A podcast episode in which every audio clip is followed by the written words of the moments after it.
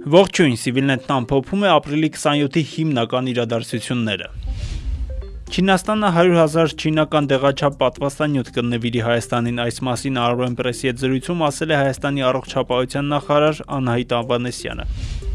Զինված ուժերի գլխավոր շտաբի պետի տեղակալ Անդրանիկ Մակարյանին մեղադրանք է առաջադրվել, հայտնել են քնչական կոմիտեից։ Նա մեղսագրվում է քրական օրենսգրքի 376-րդ հոդվածի 3-րդ մասով։ Այն է ծառայության նկատմամբ պետի կամ պաշտոնատար անձի անփույթ վերաբերմունքը, որը կատարվել է ռազմական դրության պատերազմի ժամանակ կամ մարտի պարագաներում։ Արարքը պատժվում է ազատազրկմամբ 4-ից 8 տարի ժամկետով։ Մակարյանը մեղադրանքը չի ընդունում, իսկ նրա փաստաբանը հայտարարել է, թե նա գործել է ճիշտ։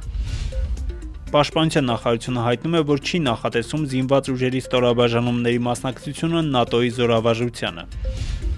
Ռոբերտ Քոչյանը կարծում է, որ պետք է վերականգնել գյուղատնտեսության նախարարությունը։ Մեջբերեմ, այնպիսի երկրում, որտեղ բնակչության 25-ից 30%-ն աշխատում է գյուղատնտեսության ոլորտում, գյուղատնտեսության նախարար չունենալն ուղղակի զավեշտ է։ Այդ ոլորտում քաղաքականություն մշակող առանձին մարմին չկա։ Պետք է վերականգնել այդ նախարարությունը, նշել է երկրորդ նախագահը։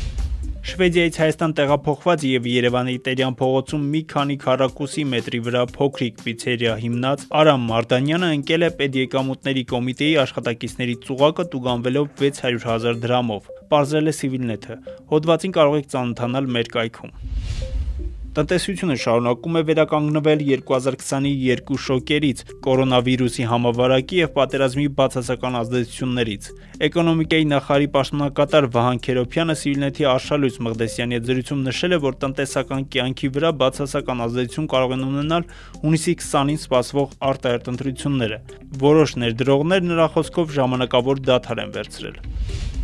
Ֆրանսիայի նախագահ Էմանուել Մակրոնը եւ Ռուսաստանի նախագահ Վլադիմիր Պուտինը պայմանավորվել են առաջիկա օրերին հայտարարել Լեռնային Ղարաբաղի հարցով կոնկրետ նախաձեռնությունների մասին։ Այս մասին գրում է ՌԻԱ Նովեստին հղում անելով Ֆիգարոին։